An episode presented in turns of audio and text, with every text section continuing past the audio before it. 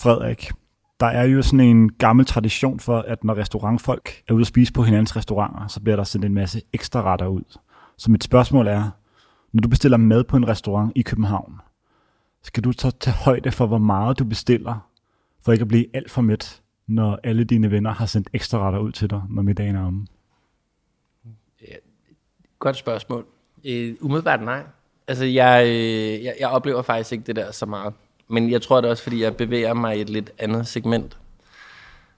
Okay, så lad mig stille et follow-up spørgsmål. Hvis en kok kommer ind på din restaurant, og du tænker, at jeg skal lige sende en ekstra ting, eller en ven, sende en ekstra ting ud. Hvad synes du ligesom er den største gave, man kan sende? Også uden at man nødvendigvis føler, at man ligesom skal straffe personen med, at de skal spise så meget som muligt. Men rettere, hvad er en ekstra ting, du vil lave, hvor du tænkte, det her er en sød lille gave? Jo, men altså, det er jo, det er jo et interessant emne, fordi man kan sige, det som der jo meget er i, øh, i restaurationsbranchen, det er, der er sådan en slags pseudoøkonomi, at man kommer, og man får rabat, og man får gratis vin og ting og sager, og man ligesom hjælper hinanden, og det er jo, det er jo sådan set fint at blive udsat for den generøsitet, men øh, det er jo også noget lort, fordi det er jo ikke en måde, man kan bygge en forretning på. Altså det, og det er jo også noget, som ikke bare gør sig gældende i, øhm, i, i, i restaurationsbranchen. Altså i, i min ungdom kom jeg jo meget, altså man kunne gå ud øh, i en uge uden at betale øh, for en øl, fordi at øh, der var reception på St. Petri og på det, altså det ene og det andet sted. Så der er jo sådan en slags øh, freeloader-økonomi. Så, men øh, altså sådan som vi håndterer det, det er jo, at øh, at hvis der kommer en, en ven af hus eller andet, så, så giver vi en ekstra ting. Det kunne være, hvis en af de ansattes forældre kommer, så giver vi dem et glas at starte på. Ikke? Eller i går havde vi forhenværende editor for Vogue ind at spise, og så har vi en, øh, en interessant råvare, som er den der Lions Mane, sådan svamp, som øh, vi så giver. Så det er også ligesom sådan en oplysningsaspekt i det at sige, at det er sådan, det er. Så vi, vi prøver i høj grad at undgå det, egentlig at, at, at give og bestikke og sådan noget, men, men tværtimod at være generøs. Og jeg tror, at generøsiteten er øhm, en, øh, en grundlæggende del af, af, af faget. Øhm, jeg tror, det letteste eksempel, når man sidder nede på Amalfi-kysten og har fået en øh, spaghetti, og man føler, man har connectet med tjeneren, og man får en espresso, så får man en limoncello på huset, og det gør at man føler sig set og anerkendt, og også at, ja, værdsat. Så øhm, det er nok sådan, jeg ser det. Og personligt set, så når jeg går ud og spiser, så, vil jeg, så går jeg ikke ud og spiser for at få noget gratis. Øh, jeg går faktisk ud for at spise for at købe noget. Fordi jeg ved også, hvor svær øhm, økonomien er for restauranter, så, så jeg synes faktisk også, det er vigtigt at betale for det. Og jeg oplever tit, at jeg kommer på et nystartet sted, og de siger, ej, den er gratis. Hvor jeg siger, det vil jeg ikke, fordi jeg kan genkende mig selv i det. Men altså, de 35 kroner for en kop kaffe de første tre uger, man har åbent, er faktisk enormt vigtige. Øh, dels for, at man danner sig det forretningsaspekt, at alle skal ligesom lægge penge i forretningen, men også, at øh, man skal tørre at tage penge for det, man sælger.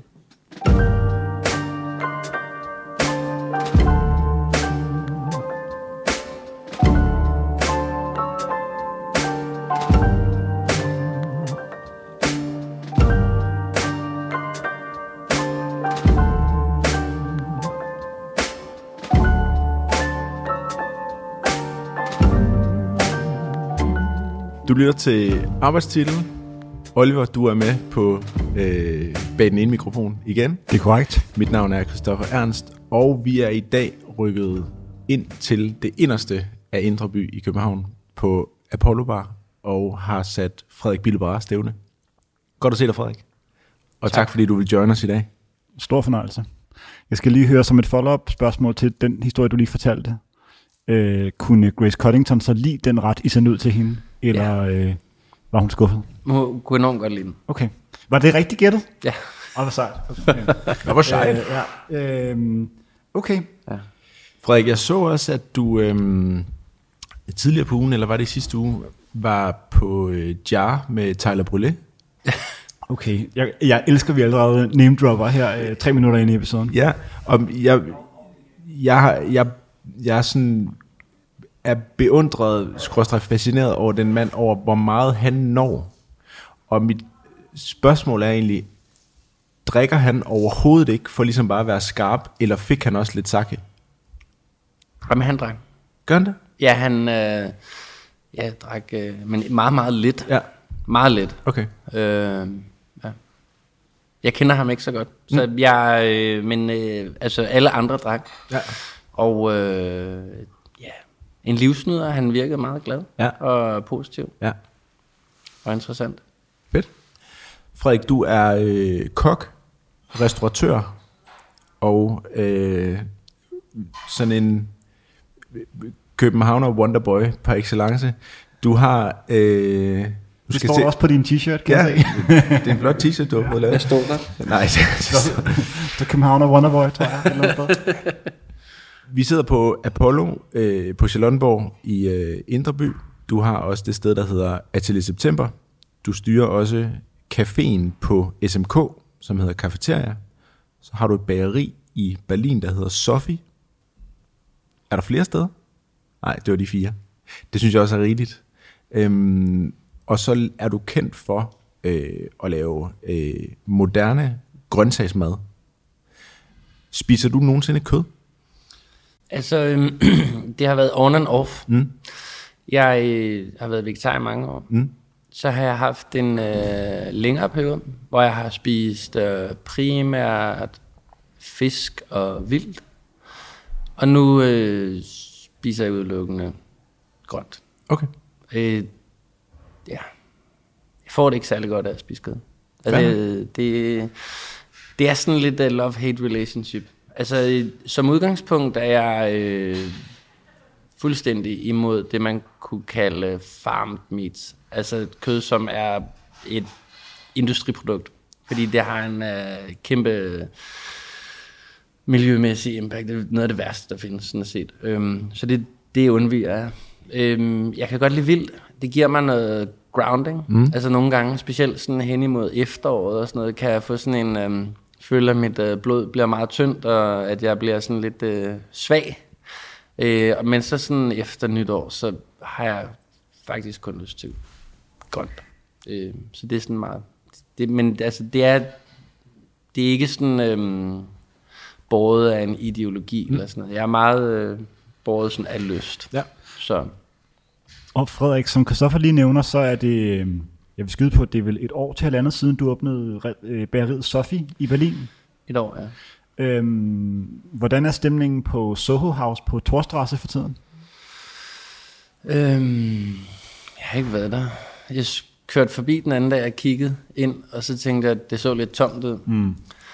Der sker jo det spændende i Berlin, at der åbner et, flere nye hoteller, men uh, sådan mest op over åbner der det hotel, der hedder Chateau Hotel, som er affilieret med Grill Royal.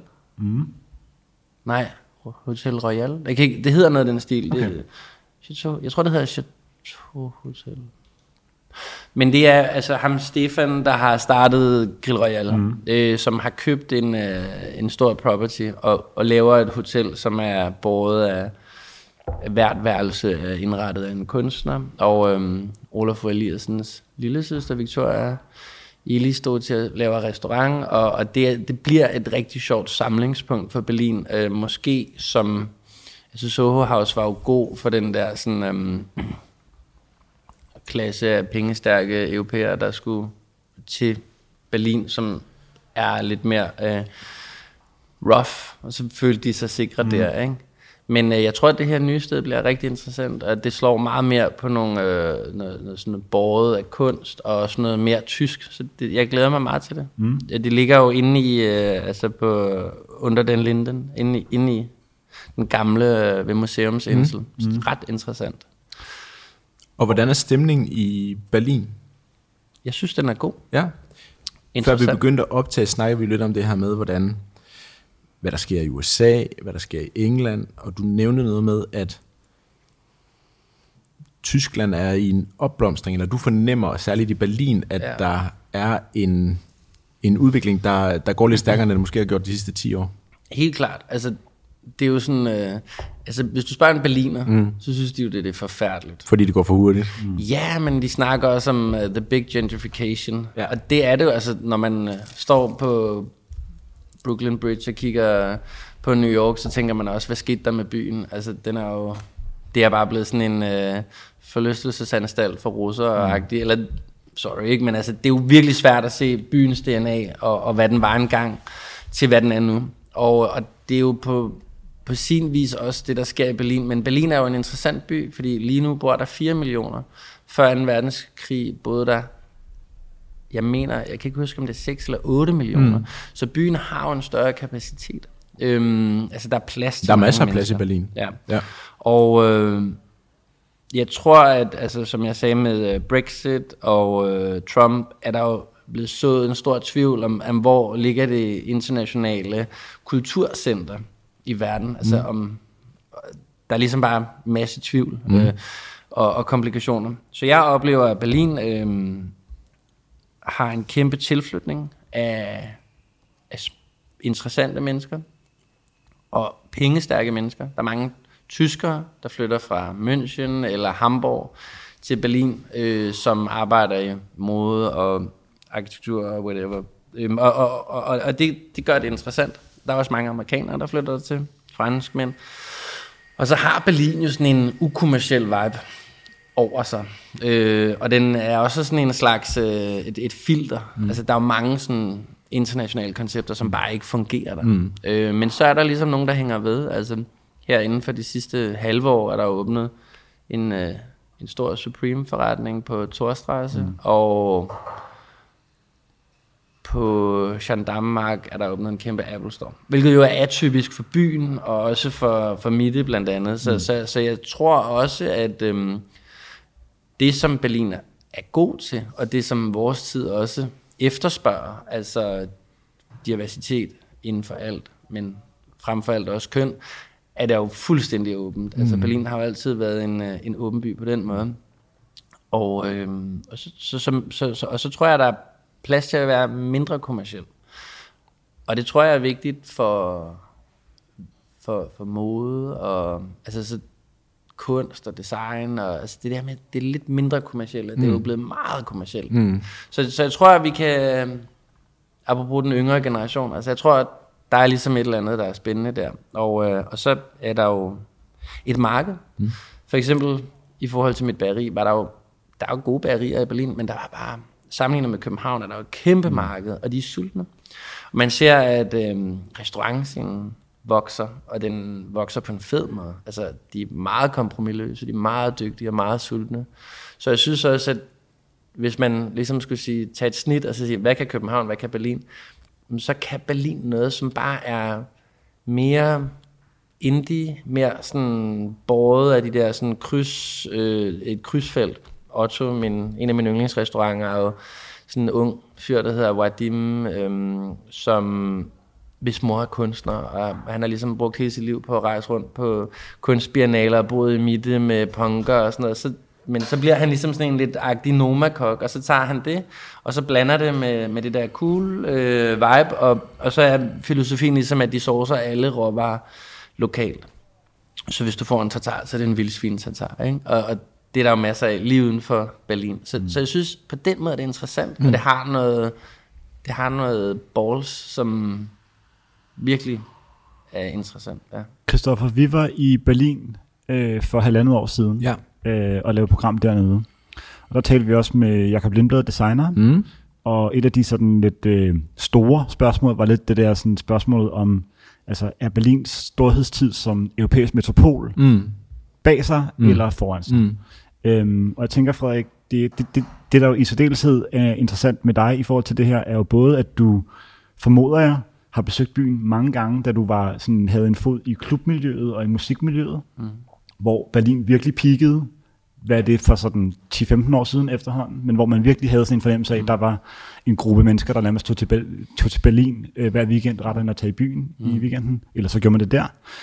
Og nu ser du så også den her sådan opblomstring, der kommer, hvor der nemlig ikke, altså indtil for nylig, tror jeg, Albatros har været noget af det første sådan smarte bageri, der er mm. åbnet på den måde, som vi så kender det rigtig meget i København.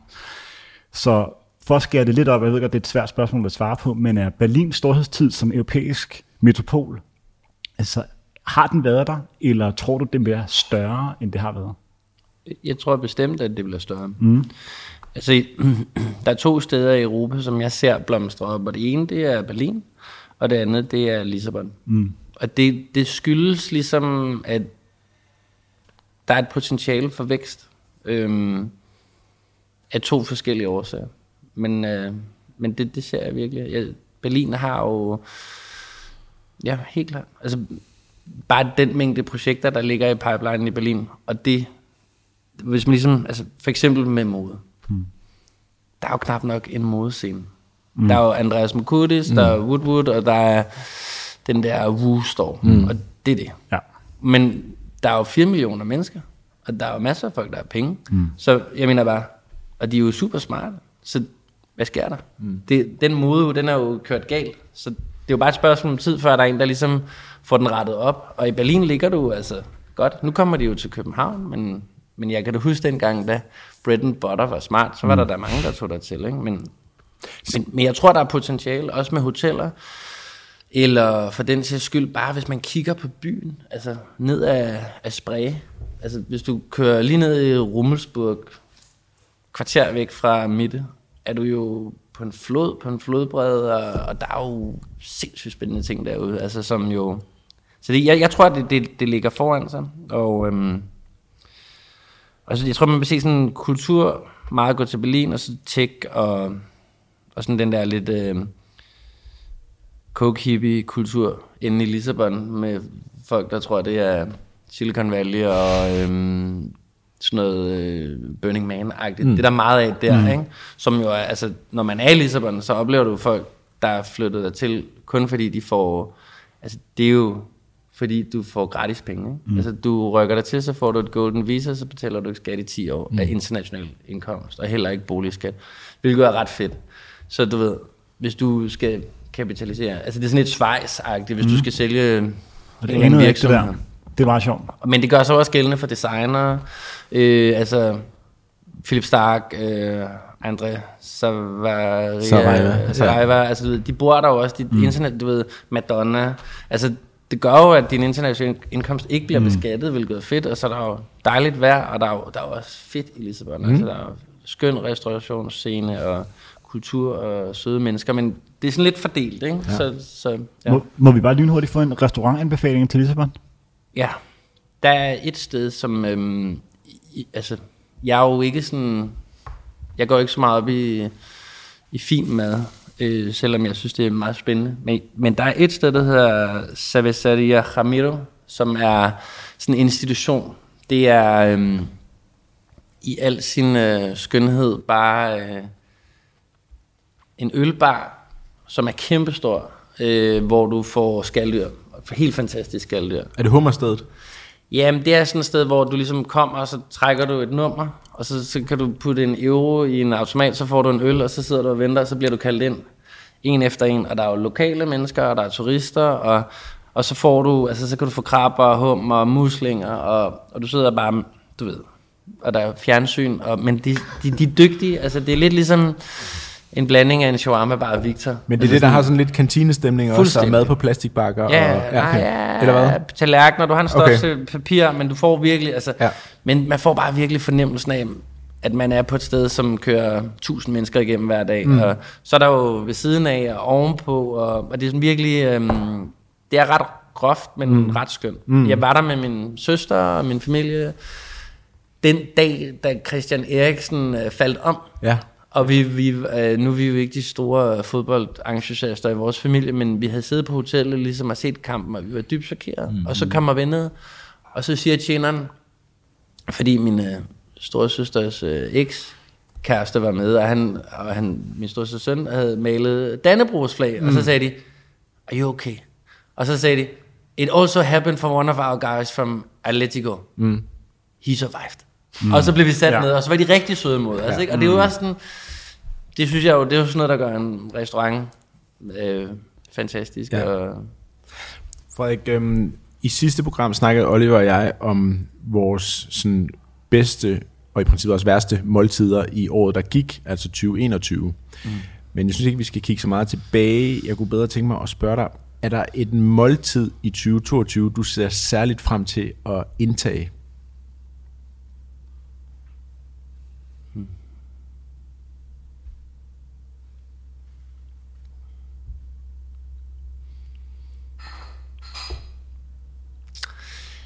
Lige umiddelbart kan jeg kun tænke på én ting, men det er også fordi, jeg tror ikke, jeg sådan planlægger øhm, min altså, måde at, at spise på øh, sådan.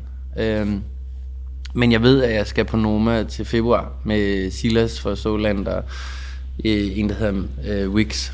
Og, og det glæder jeg mig til. Jeg var der at spise i december, og det, jeg synes, det var sindssygt godt. Og det, øh, så man kan sige, til hverdag spiser jeg steder som Jar eller Maison eller øh, hvad hedder den, øhm, propaganda, som mm. har været på. At nu er det jo relativt nyt, mm. men sådan nogle steder, som ligesom tigger af i sådan, du ved, det er god service, det er god vin, det er et rigtig godt produkt, og, øhm, og man kan ligesom have børn med, uden det går helt galt, ikke? Øh, men, men så, så, du ved, det, øh, Noma glæder mig meget til. Det synes jeg er et godt svar på noget, man, mm. kan, man kan se frem til at glæde sig til.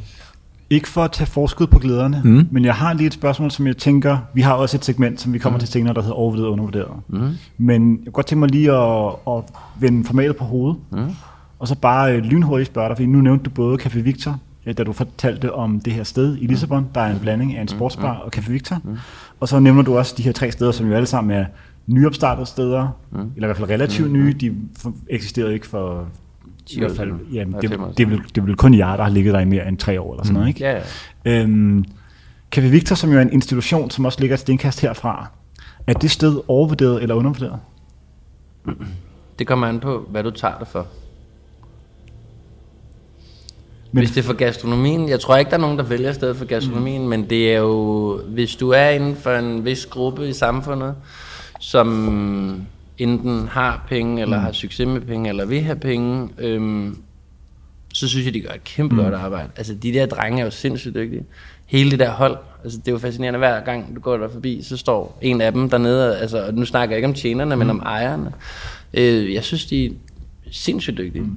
Og, øhm, og jeg prøver altid at lære af dem. Jeg prøver at se, hvordan de tuner tingene, men øhm, så jeg, jeg tænker, at det er meget spot on. Altså, jeg tror også, vi er pro Café Victor. 100%. Og jeg tror for eksempel, hvis vi to blev transporteret til New York i dag, så vil vi tage på Balthasar.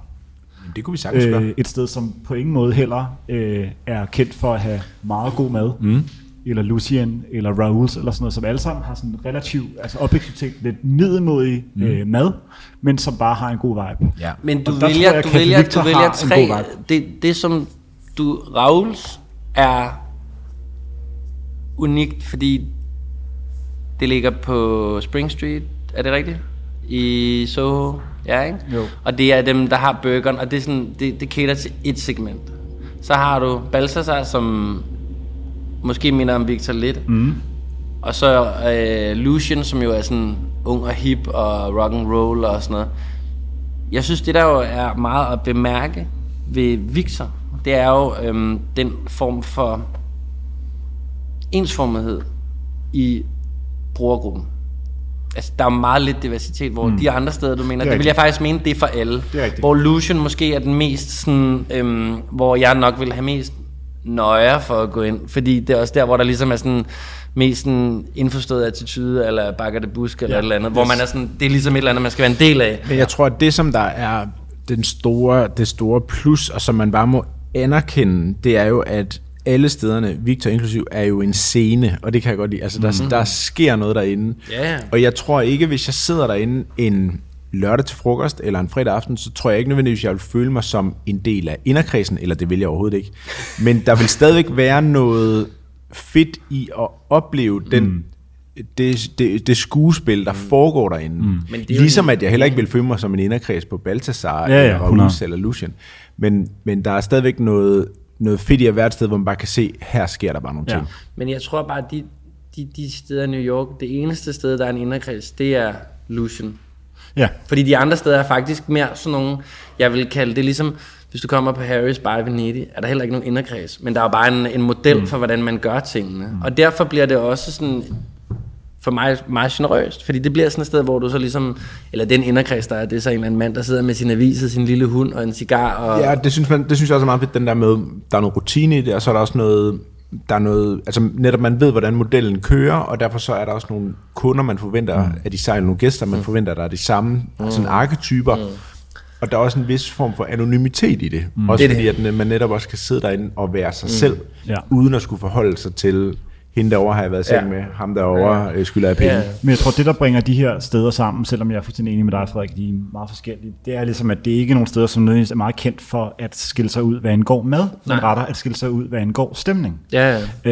øh, hvilket øh, Victor også udmærker sig ved. Og der kan jeg, jeg tror, det, det, er, et, det er et hierarki, der er, blevet, øh, der, der er blevet nævnt mange gange i det her program, men jeg gør det igen. Øh, Marco Pierre White, som nemlig bare siger det der med, at det vigtigste på, en- på en restaurant, det er først og fremmest øh, stemning. Enig. Nummer to, det er service, og nummer tre, det er mad. Mm. Øh, og jeg tror, den slags restauranter kan jeg umiddelbart bedre lide. Mm. Altså, hvor det er reelt stemningen. Det er ikke mm. ideen om at få et meget, meget godt måltid, for mm. det kan man faktisk få bedre mange andre steder. Mm. Helt klart. Øhm, som øh, Martin Kongstad engang udtalte i en anmeldelse af et andet program. Brødet var okay, men du kan få det bedre på de 50 bedste restauranter i København. Ja. Og det kan jeg bare ret godt lide ideen om, at der er mange steder, der er bedre end de steder. Mm. Helt sikkert også i København, men de har en stemning, som gør det unikt. Ikke? Det er det, det er enig. Frederik, nu vi er ved steder i udlandet. Mm-hmm. Øh, du nævnte lige et hotel, der åbner i Berlin. Mm. Øhm, jeg stillede øh, Christoffer et spørgsmål, som var ens i præsentation, men anderledes i indhold, øh, da vi lavede det sidste program. Øh, så hvis du nu fik foræret en friaften og, en, og et privatfly til et hotel, som du godt ville sove på i aften, Mm. hvor vil du gerne tilbringe en aften i dit eget selskab, måske med lidt room service og hvad der, hvad, hvad, hvad der ellers kan trække et eller andet sted i verden? Det var kun en aften med room service. Ja, Øh, Le Bristol i Paris. okay. Og ved du allerede nu, hvad du bestiller?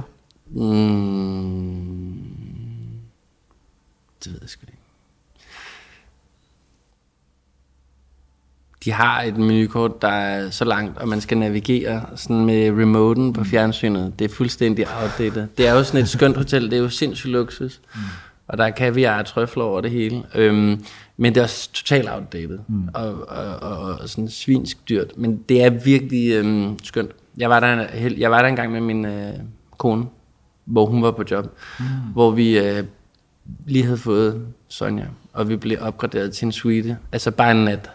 Og der, øhm, efter at have puttet Sonja, der øh, lå jeg i øh, karbad og spiste en øh, burger. Men næste morgen til morgenmad fik jeg røræg med trøffel og kaviar. Så de kan Okay. noget. Så de spænder ret vidt fra både burger til Fuldstændig. aftensmad Jamen, det, er, til... det er jo, altså, du ved, det, og du kan også få en kaj, og du, det er jo sådan virkelig, okay. altså, det er nok sådan et af de mest sådan fancy, classy, gamle hoteller. Mm. Oliver, jeg ved, sidst du var i Paris, mm. der overnattede du dernede øh, tre nætter, To nætter. to nætter, Ja. endnu vildere, fordi du skiftede nemlig hotel yes. undervejs. Ja, og ikke, ikke i trods. Nej, øh, altså øh, med god vilje. Ja. Det var noget, du selv havde planlagt. Altså, det var planlagt på den måde, at jeg, at jeg bestilte relativt sent mm. i en weekend, og der var kun ledigt en af aftenerne på Grand Amour. Ja. Mm. Øh, men jeg har en sted, et, øh, et særligt værelse, jeg vender tilbage til. Ja. Og jeg havde lidt stedigt insisteret på, at jeg skal ligesom bare have det værelse igen. Mm-hmm. Og det var ikke fordi, de sagde, at vi har masser af andre værelser. Nej. Men de sagde ligesom, der er kun, øh, vi kan sagtens booke det værelse til dig, men du kan kun være der en af aftenerne. Og så måtte jeg finde ud af, hvad jeg ligesom skulle, så skulle den anden aften. Og jeg insisterede stadig på, at jeg så skulle øh, derhen mm. og, og lige sige hej. Mm. Øh, så derfor skiftede jeg. Så du kommer til Paris, tjekker ind på et hotel, Ja. tjekker ud næste morgen, og får så nogle timer til at gå, Yes. og så tjekker du så ind på Grand Amour. Og så kørte vi i en, øh, i en Uber Ja. fra øh, Café Kitchenet, Ja. nede, nede, lige, lige nede ved Palais Royal, øh, hvor man ligesom laver et stop ved hotellet, mens han holder øh, ind på hotellet, hente kufferterne, ind i øh, Uberen til min kæreste igen, og så videre til Grand Amour. Ja, okay. Øh, men det var fedt, jeg er glad for, at vi gjorde det. Fordi Det det, er jo, altså, rent praktisk lyder det jo sådan lidt mareridtsagtigt, Ja. men det, jo kommer også an på, hvor meget du har. Men det er jo også- altså, det kommer an på, hvad du bare har. to par underbukser. Og så kommer det jo også an på, Altså, hvor bare to rim ud af kufferter, så det var ikke noget de to vildt. store. Ja, Men det kommer jo også, det kommer også ned til, at du øhm, rent faktisk har mulighed for at se nogle forskellige ting, og få to meget komprimerede, men stadig fyldskørende oplevelser af Paris mm. på meget kort tid, mm. hvis man lige kan, kan håndtere den der hiccup, der er Ja. ja. ved at skulle tjekke ind og ud. Ja. Øhm, 100 procent.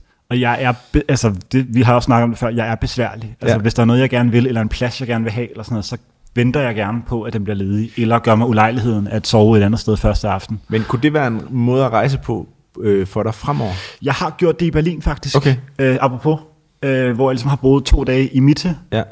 og, øh, og to dage i... Øh, På Hilton ude ved lufthavnen. ja, ja. øhm, men så boede altså sydpå. Ja. Øh, den, for ligesom lidt at få diversiteten Mm. ind. Øh, midte kan helt klart noget, men jeg bliver trættere og trættere af det. Jeg var faktisk nede og besøge jeres øh, bageri, øh, da jeg var der. Øhm, men, øh, men du ved, der er bare en, en, en anden stemning, end der var for nogle år siden efterhånden. Man kan godt gå, mærke, der er gået meget turist og sådan APC-butik i den. Ikke på nogen nederen måde, men bare på en måde, hvor der sker nogle andre sjove ting, synes jeg, øh, i nogle af de andre om- områder. Øhm, Frederik, laver I både chokoladecroissanter og almindelige croissanter på Sofie? Det gør vi. Hvor står du på chokoladecroissant? Godt spørgsmål. Undskyld, hvad? Hvor står du på chokoladecroissant? Altså generelt som koncept chokoladecroissant. Jeg synes, øh, den er god, når den kommer ud af ovnen. Mm. Ja. Og efter halvanden time er den irrelevant. Ja. Men Ja. ja. hvis den er lavet godt, er det godt. Jeg tror, vi fik en miso-cookie, da vi var dernede, hvis jeg ikke husker helt forkert. Ja. Også god. Øhm, men det, som jeg faktisk øh, kom til at tænke på, det der med at flytte hotel, mm. øh, som jeg faktisk synes er en vibe. Mm. Altså, og især hvis man er ja, i London eller sådan noget, fordi ja. man har jo nemt ved bare at finde de samme steder, du ved, drikke morgenkaffe hver dag. Og i byer, der er så store, der faktisk er en meget anderledes øh, sådan stemning, øhm, som der blandt andet er i Berlin. Øhm, så synes jeg faktisk, det kan noget. Men man skal være villig til at tage den der rejse, men det er jo ikke vildere end det. Men jeg har nemlig også, altså, Frederik, jeg har sådan en, øh, en drøm om en dag at kunne, nemlig, altså du talte om lige at være lidt nervøs for at gå ind på en restaurant, eller sådan noget, kommer man til at gå forkert? Øh, da du talte om øh, Lucien, eller er jeg velkommen her, mm. eller den der ting, som mm. jeg tror er relativt irrationelt, men man kan stadig godt tænke, kan vide, om de tænker, selvfølgelig kan vi ikke have plads til dig, eller sådan noget. Mm. Og jeg har, jeg har tit tænkt, når jeg har været i Paris, at jeg har stadig lidt en, øh, en ambition om at gå ind på The Ritz og bede om en cheeseburger. Mm. Men jeg er simpelthen, altså ideen om at gå ind ad den dør, og at de vil kigge på mig og sige, Det kan du sagtens gøre. jamen det, det kan Det man kan jo du jo få gøre. i øh, Hemingway Bar. Præcis. Ja. Øhm, og det vil jeg vildt gerne. Øh, så det kan være, at næste gang jeg er i Paris, så er målet ligesom at stå på den store plads, Så tager jeg dig med hjem. og så øh, sige, nu skal vi ind i Hemingway-baren. Ja. Og jeg kan huske det samme, øh, jeg tror vi snakkede en gang om det, Frederik, hurtigt. Det var øh, en af de bedste madoplevelser, jeg havde i New York, var at spise fried chicken på baren på The Nomad Hotel. Ja.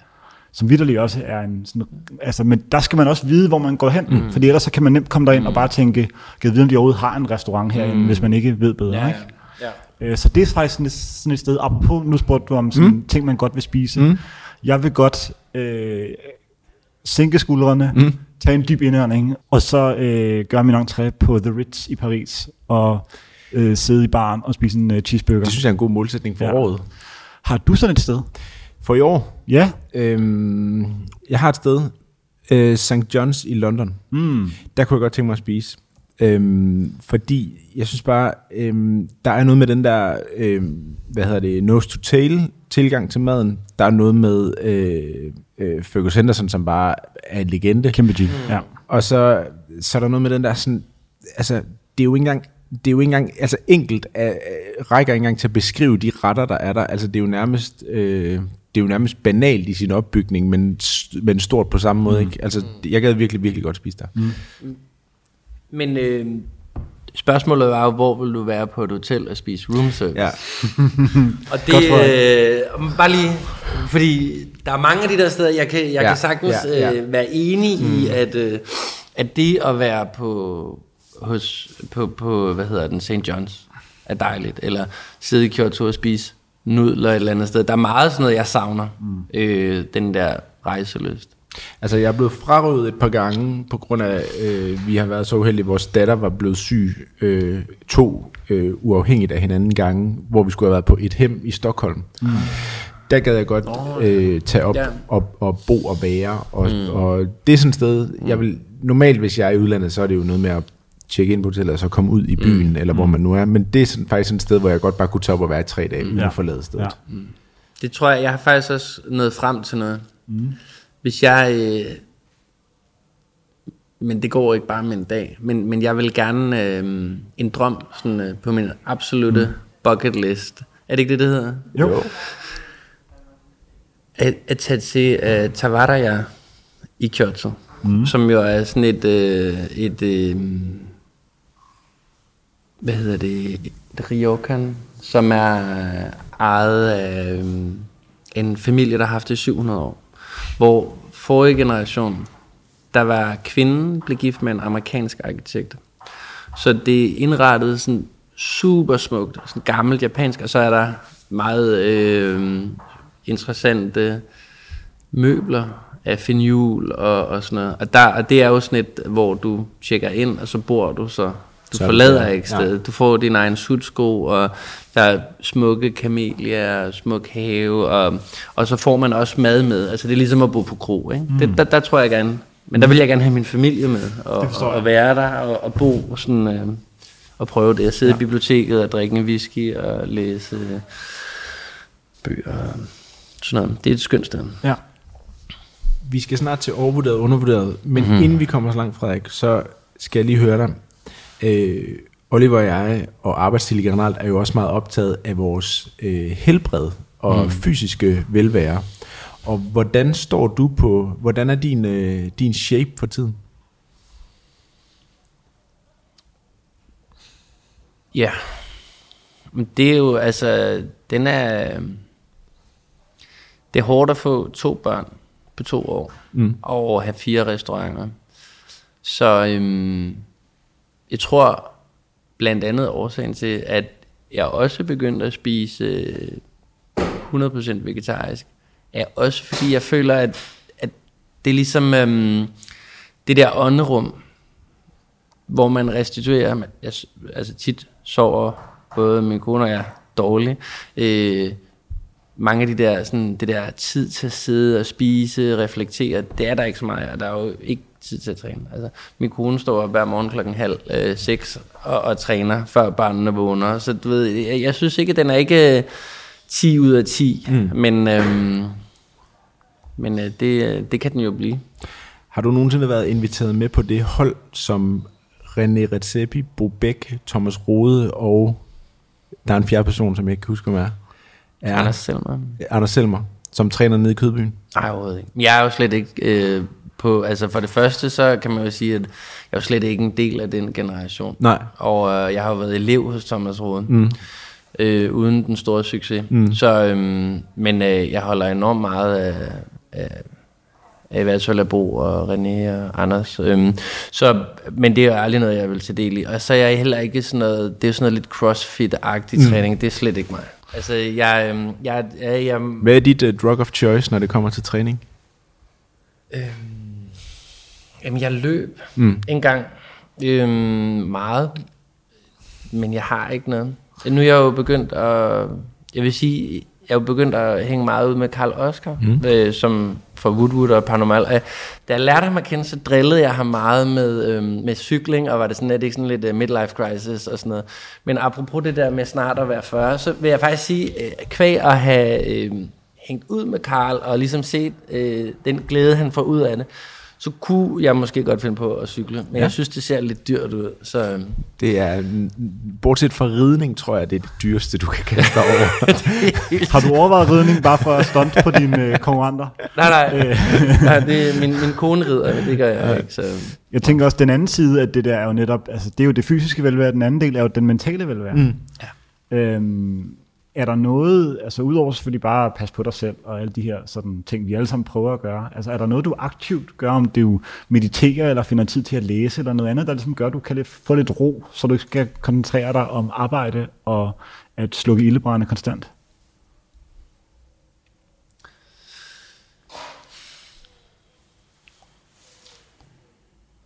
Nej. altså, jeg tror, hvis man ikke har børn, så kan man ikke sætte sig ind i, hvordan det er at have to børn under tre år. Mm. Det er jo totalt kaotisk. Altså, nogle gange så føler jeg, at altså, man bare bor i sådan en svinesti, øh, og øh, det er enormt hektisk. Øh, så, jeg føler faktisk ikke på den måde, der er tid til det, men man kan sige, jeg har jo et ånderum, altså øh, når jeg tager til Berlin, nogle gange er det jo to dage, nogle gange er det en uge, men det er ligesom at øh, køre i bil i 6 timer, mm. og øh, lytte, altså opdatere sig selv på øh, interessante ting. Øh, jeg, jeg lytter meget til forskellige øh, podcast og YouTube øh, videoer, altså du ved, sådan ting, som er virkelig øh, dybe og, og, og også relativt svære at forstå. Så du ved, det, ligesom at have de der rum, hvor man lige kan tanke op, det giver mm. noget, ikke? Og så, så må jeg nok bare erkende, at, at, at lige nu er det meget kaotisk. Så. Og så et sidste spørgsmål, inden vi går til overvurderet og undervurderet. Øh, har du en lejlighed i Berlin nu, eller bor du på hotel, og i så fald hvor? Jeg har en lejlighed Okay. i, øhm, i øh, Mitte, lige Okay. ved Akunderplads. Så, så du er simpelthen blevet øh, deltidsboende øh, i Berlin? Ja. Nå, sejt.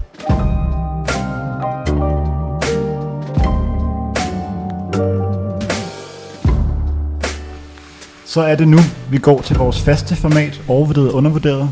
Frederik, du er med for første gang. Mm. Øh, I det her format har Christoffer tænkt sig at præsentere os for en række ting, mm. som vi hver især skal vurdere, om ud fra hvad de her ting er, er de så overvurderet eller undervurderet. Mm. Er du klar til det? Ja. Oh, Så Frederik, hvad får du i hænderne her? det er Popeye som er et japansk magasin. Mm. Magazine for, For City, City Boy. City Boys. Det er så fed en undertitel. Magasin for City Boys. Ja. Ja. Mit spørgsmål er, er Popeye overvurderet eller undervurderet? Det sjove er jo, at det her var jo med i det allerførste program. Er det rigtigt? Ja, så det er en reprise. Jeg synes, det skal være med, Fint nok. men det er en reprise. kan Men det var huske, mig, jeg der gav den til dig. Ja. Ja. men vi kommer helt sikkert til at gentage nogle, nogle, nogle, nogle Helt klart. Jamen, tiderne skifter. Frederik, har du været med i Popeye Magazine? Det har jeg. Ja. Og også øh, Skat har været med. Mm, din hund? Ja, en feature om ham. Det er rigtigt. Det var fint. Men øh, altså, for, for mit perspektiv er det jo... Ja, det er jo meget svært. Jeg, øh, overvurderet eller undervurderet? Altså, det er jo meget banalt. Mm. Men øh, er det for et dansk perspektiv? Mit perspektiv? Det er, for, for dit det er, perspektiv. du bestemmer 100% selv, hvordan du jeg svarer. synes, det er... Øh, det er meget spot on mm. for mig. Mm. Altså, jeg er jo enormt stor fan af japansk øh, ting, og jeg elsker det med Popeye, det er ligesom, at de jo, altså du kan se her på forsiden, at der bare er en fyr, der går med sådan noget hiking-tøj, og det er jo sådan ikke sådan specielt smart, men hele det der med, at de ligesom finder et eller andet emne, om det er den bedste tonkatsu sandwich, mm. eller det bedste æg, eller en eller anden, der laver tøfler i øh, Schweiz. Det, de er altid optaget af et eller andet, det, det, er egentlig, det synes jeg er rigtig fedt. Mm. Så det er, det er undervurderet, Ja. ja. hvis det er succeskriteriet. Ja, det er sekretæret. Øhm, jeg har ikke så meget til, for jeg er fuldstændig enig. Altså det sjove er jo, hvordan øh, den her æstetik også leger så meget med, jeg vil ikke sige dårlig smag, men i hvert fald ideen om, at det er sådan lidt barnligt. Mm. Øh, men, men hvordan man ligesom både kan lege med det, og have en burger på forsiden mm. af et smart livsstilsmagasin, og samtidig gøre det så ekstremt stramt. Mm. Øhm, det er sådan lidt ligesom øh, Rick Rubin engang beskrev den øh, plade af Vampire Weekend, der hedder Modern Vampires of the City, som i øvrigt er en forfærdelig titel. Men det er det der med, at det lyder så smadret, og samtidig så crisp. Mm. Og det er lidt det samme, man får i Power Magazine. Altså det er faktisk en meget, meget god beskrivelse, fordi øh, altså, hvis du kigger på nogle af de der sider, det ligner tingene er kastet ind mm. nogle gange, ikke? og det er så kaotisk, men det er nemlig smadret, men når du så kigger, det er, det er så sprødt. Ja. ja. Og jeg tror, en af de ting, vi også talte om for efterhånden øh, et par år siden, det er, at øh, altså et hvert magasin, der tillader sig selv at have et indstik dedikeret til Andy Spade, øh, er et, som jeg øh, godt kan respektere. Så derfor bliver jeg nødt til at sige, og bare ideen om, at vi alle tre kender det her magasin, ja. Øh, og ikke fordi det er vildt i sig selv, men at vi kender et magasin, som udelukkende er på et andet sprog, mm. og som, Som vi ikke kan læse. som vi hver især nok godt kunne finde på at købe, enten over eBay eller på en rejse. Det må gøre det undervurderet. Modtaget. ja. Next, next up. Next up. Okay, fedt. Frederik, hvad er vi, du får i hånden her? Sriracha, Yellow Bird, Organic Lime Chili and Date Blend. Så du, det her er jo lidt sådan en artisanal sriracha, Ja, den er, som jo er sådan en, øh, en lidt spicy øh, ketchup. Srirachan er en, øh, måske verdens mest berømte chili sauce, mm. ikke? Og øh, den der er øh, hjembragt af øh, vennerprogrammet Thijs Mortensen fra mm. USA, som, øh, som kom med den som lille gave til mig. Øhm, og, og det der er sådan en, øh, det er sådan en subversion af hovedproduktet. Men mit spørgsmål er egentlig, er den almindelige sriracha øh, overvurderet eller undervurderet?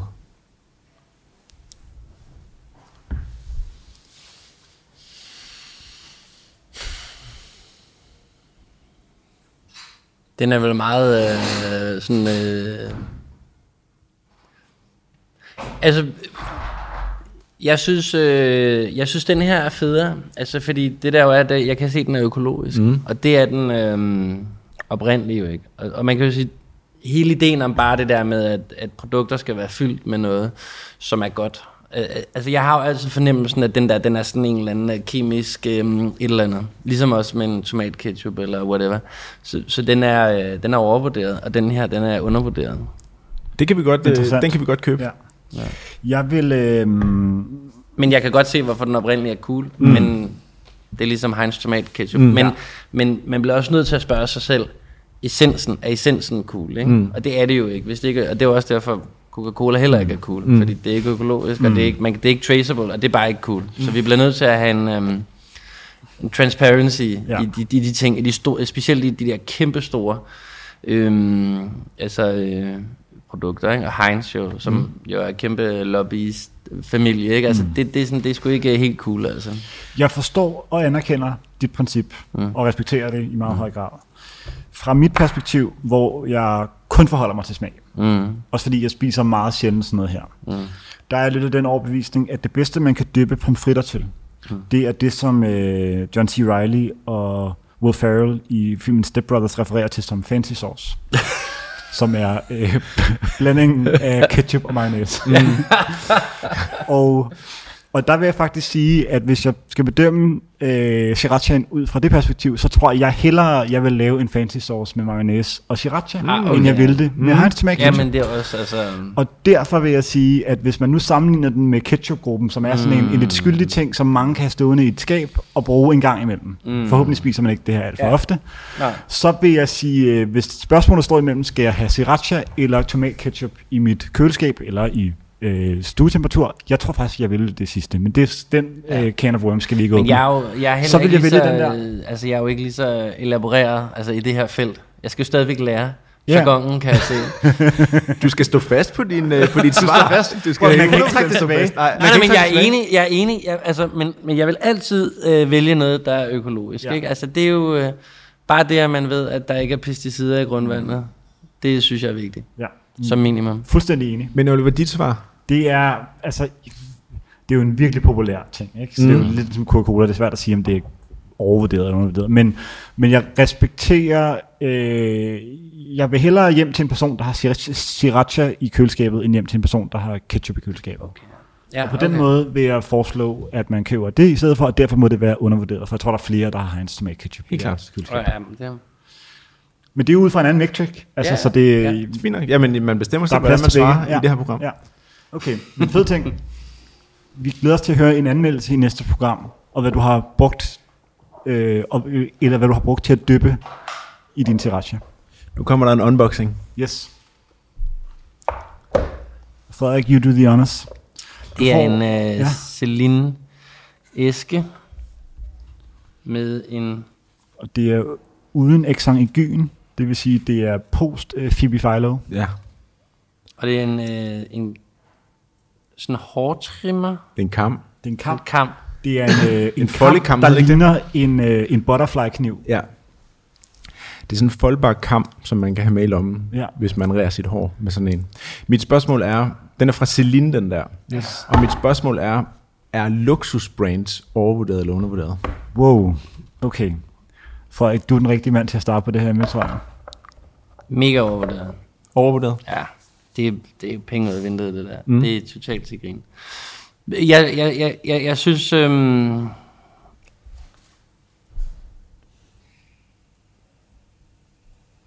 jeg, jeg kan slet ikke sætte mig ind i det. Altså det er ikke kun den her specifikke genstand, men luksusbrands som sådan. Det her er bare en repræsentation af et fransk mode luksushus, som har lavet et eller andet produkt, men spørgsmålet er, er luksusbrands overvurderet eller undervurderet?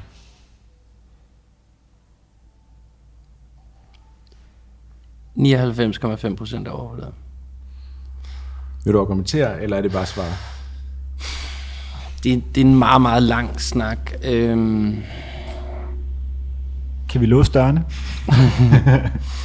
men øhm, lige min mavefornemmelse siger mig bare umiddelbart, at det er repræsentationen af noget totalt asocialt, der sker i vores samfund for tiden. At øh, børn skal drøne rundt i Louis Vuitton gamasher og øhm, folk, øh, selv Virgil Abloh, som jeg jo på mange måder synes er fantastisk, men som også kan tryllebinde øh, underklassen i at stå i kø og købe modtøj for deres sparepenge. Altså jeg synes, det er perverst. Og jeg synes, det er,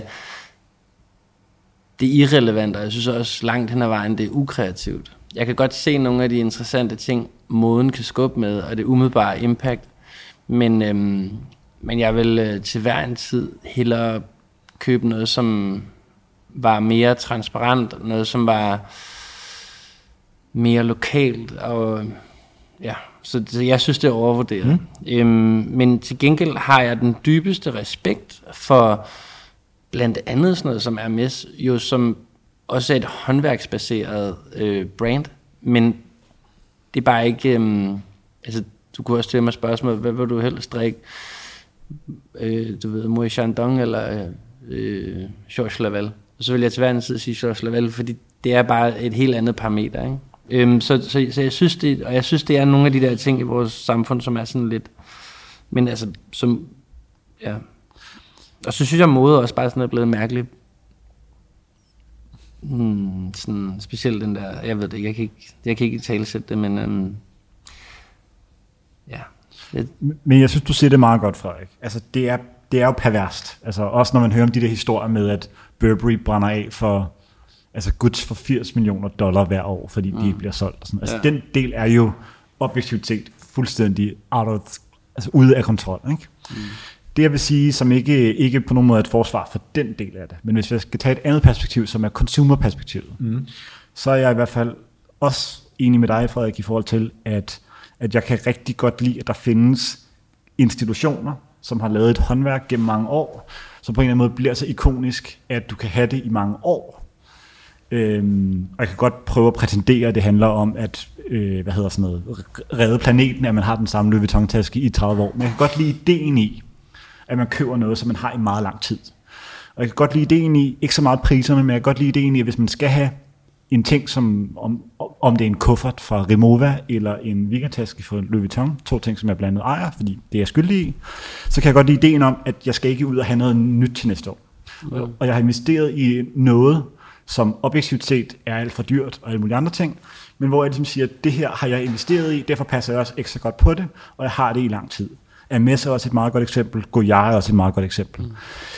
Så man kan sige, alle sådan ready to wear, øh, altså alle ready to wear aspekterne i de her brands, dem ignorerer jeg fuldstændig. Altså jeg kunne ikke fortælle om et stykke tøj, som Virgil, øh, Virgil Abloh har lavet for Louis Vuitton, som jeg ligesom kan genkende. Øhm, men jeg ved, hvordan deres trunks ser ud, og jeg ved, hvordan øh, monogramtasken ser mm. ud. Og de ting kan jeg godt lide, fordi jeg er sikker på, at da jeg købte dem, der synes jeg, at det var sejt at se et billede af Don C. og Kanye West, og i øvrigt Virgil Abloh, før nogen vidste, hvem han var, i Firenze, stå med øh, kufferter, øh, i sådan et forsøg på egentlig at, at, øh, at emulere, øh, hvad de formodede øh, sådan europæisk mode var. Og at ligesom gå fra, at Kanye West var The Louis Vuitton Don, og det så var meget hot, og så har der været nogle bølger i en finanskrise, der kom siden, som gjorde, at det blev relativt sådan uncool at gå i Louis Vuitton. Mm. Og at man egentlig bare kan have et stykke tøj, som holder så, så lang tid, eller et stykke mm. leatherwear, der holder så lang tid, at det også kommer ud på den anden side, mm. hvor vi lige pludselig begynder at anerkende, at det her faktisk er et produkt, man har i mange, mange, mange år. Og det får en værdi derigennem. Men det har jo ikke noget at gøre med det Louis Vuitton. Nej. Altså, du kan også godt købe et par, øh, øh, du ved, gummistøvler øh, af et eller andet Eichel eller et eller andet, som holder i 15 år. Altså, det er jo 100%. men det er så, så kvalitet er evig værdsat. 100 procent. Øh, Så det er jeg også fuldstændig enig med dig i. Øh, men jeg tror, der er noget særligt i, øh, i hvordan vi ligesom ser de her øh, mm. high-end modebrands. Så jeg bliver nødt til at sige, at, øh, at sådan hele ready-to-wear-linjen og alt det der køb og smid ud og stå i kø mm. for nye drops, altså ag- aggressivt overvurderet. Ja. Øh, at finde nogle få pieces, om det så er, øh, fordi man synes, det ser sejt ud, eller man virkelig anerkender kvali- kv- kvaliteten i at købe et MS øh, tørklæde, som man kan give videre i generationer. Det er undervurderet, for der vil jeg hellere købe det der, end jeg vil øh, købe seks af de samme hos Kos, eller sådan noget. Så dit svar er, Det bliver, det bliver, øh, det bliver objektivt set overvurderet, Okay. øh, men i, øh, fra nanoperspektiv undervurderet. Men i Japan siger man jo, når du køber et stykke porcelæn, så, så, så har du det til låns. Fordi det har en værdi også for øh, den næste generation, eller de næste generation. Så det der, selvom at du ejer det, så har du det også til låns, fordi det også har en større betydning. Og, og den forståelse af kvalitet er jo vigtig, kan man sige. Ikke? Og det synes jeg, altså, så du ved, ja, men jeg synes ikke, det nødvendigvis har noget at gøre med modehusets position i samfundet, og hvad de bidrager med. Helt enig. Øh, Christoffer, er det her noget, du har købt til dig selv? En kamp? en gave til dig. en forsinket julegave, som du øh, i sidste program... Men den er også du bare i sig selv, er den jo også pervers, fordi det er jo sådan et voldsobjekt, der er blevet gjort til en kamp, Den er som sindssygt du, pervers, du ikke der. tror, Ja. du kan... Den er sindssygt du, du, du, pervers. tror, man, man Ja. tror, man bliver skaldet Jeg tror, det er, en, for, det er sådan en ravekniv, Det er sådan en foldekniv, ikke? Og så er det øh, i virkeligheden en kam, øh, som... Øh, mit hår er for kort til at bruge den. I to med jeres lange hår vil godt, øh, vil godt kunne bruge den. Ja. Øhm, Men den er også et godt billede på, hvor lidt Celine sådan set har at sige. Ikke? at byde på. Ja. Ja. Jeg tror, det var et program. Det var i den grad et program. Jeg synes, det var et rigtig dejligt program. Jeg har også, øh, apropos din sidste bemærkning, fundet min overmand i forhold til øh, en person, der har længere hår, end jeg har. Eller en mand, der har længere hår, Ja, end lige jeg for har. tiden Så, øh, øh, Frederik rigtig langt så jeg tror, øh, Frederik, du vinder konkurrencen i, i dag. Øh, det bedste hår i arbejdstitel. Øh, det plejer ellers at være mig. Så øh, jeg, Er det, jeg fordi klar det er på at langt? give, er det det? Jamen, flot og langt. Ja, nå, det er jeg glad for her. Øhm, Frederik, øh, tusind tak, fordi du ville være med os i dag. Stor fornøjelse, og fordi du ville huse os her på Apollo. Til tak. Kristoffer, tak for et godt program. Tak for et godt program, Oliver. Og vi skal også lige huske at sige tak til vores producer, Nina. Og vi skal sige tak til alle lytterne, som øh, har været med os siden dag 1. Det er vi glade for. Vi er tilbage igen om to uger, og indtil da, hygge jer.